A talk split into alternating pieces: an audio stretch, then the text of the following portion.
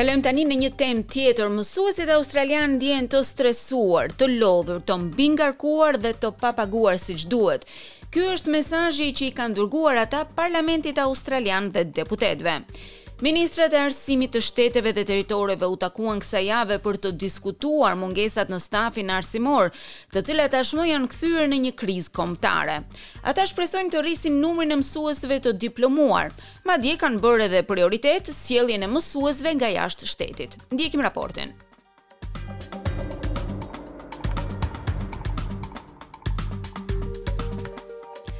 E kanë radhën ministrat e arsimit që të ulen nëpër bankat e shkollës për të mësuar rreth vështirësive me të cilat përballet profesioni i arsimtarëve. Ajo që dëgjuan prej tyre nuk ishte e lehtë. Problemet kanë kohë që dërrmojnë shpirtin e mësuesve.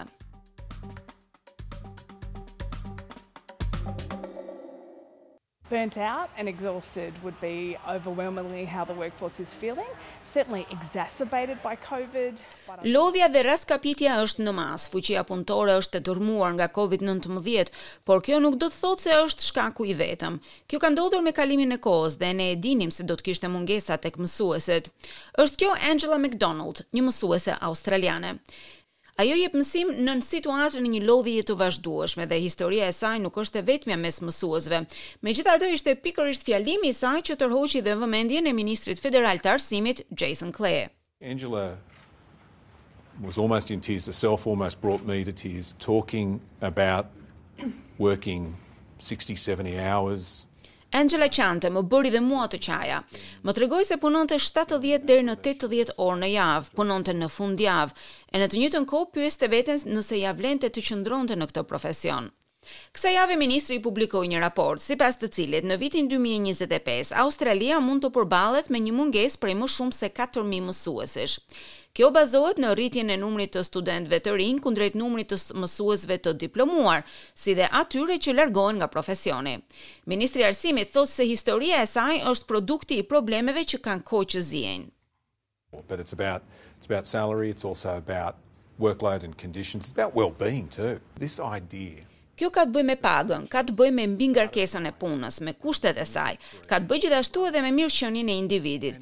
Kjo ide që mësuesit fillojnë punën në orën 9 dhe mbarojnë në orën 3 është qesharake. Të gjithë e dinë se mësuesit punojnë më shumë se kaq.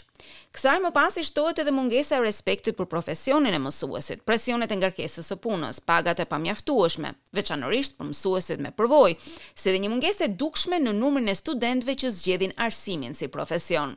Christine Cooper nga Sindikata e Pavarur e Arsimtarëve, thotë se barra është rritur në mënyrë graduale. It is a national crisis, so our teachers are overwhelmed and Kjo është një krizë kombëtare, mësuesit janë të mbingarkuar dhe kjo është për shkak se ka patur iniciative pas iniciative që nuk ka funksionuar. Është ndikimi i ngarkesës së punës dhe ka ardhur koha për të vepruar, thotë ajo. Qeveria federale thotë se do të krijojë një plan kombëtar për të zgjidhur problemet me mbingarkesën për mësuesit.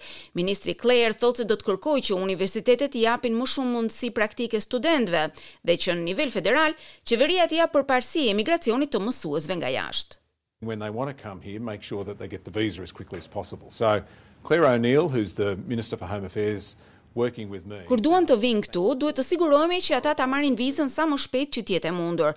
Clare O'Neil, e cila është ministre për Punët e Brendshme, do të punojë me mua, dhe e falenderoj për këtë. Ajo ka rënë dakord që t'i japë përparësi këtyre vizave.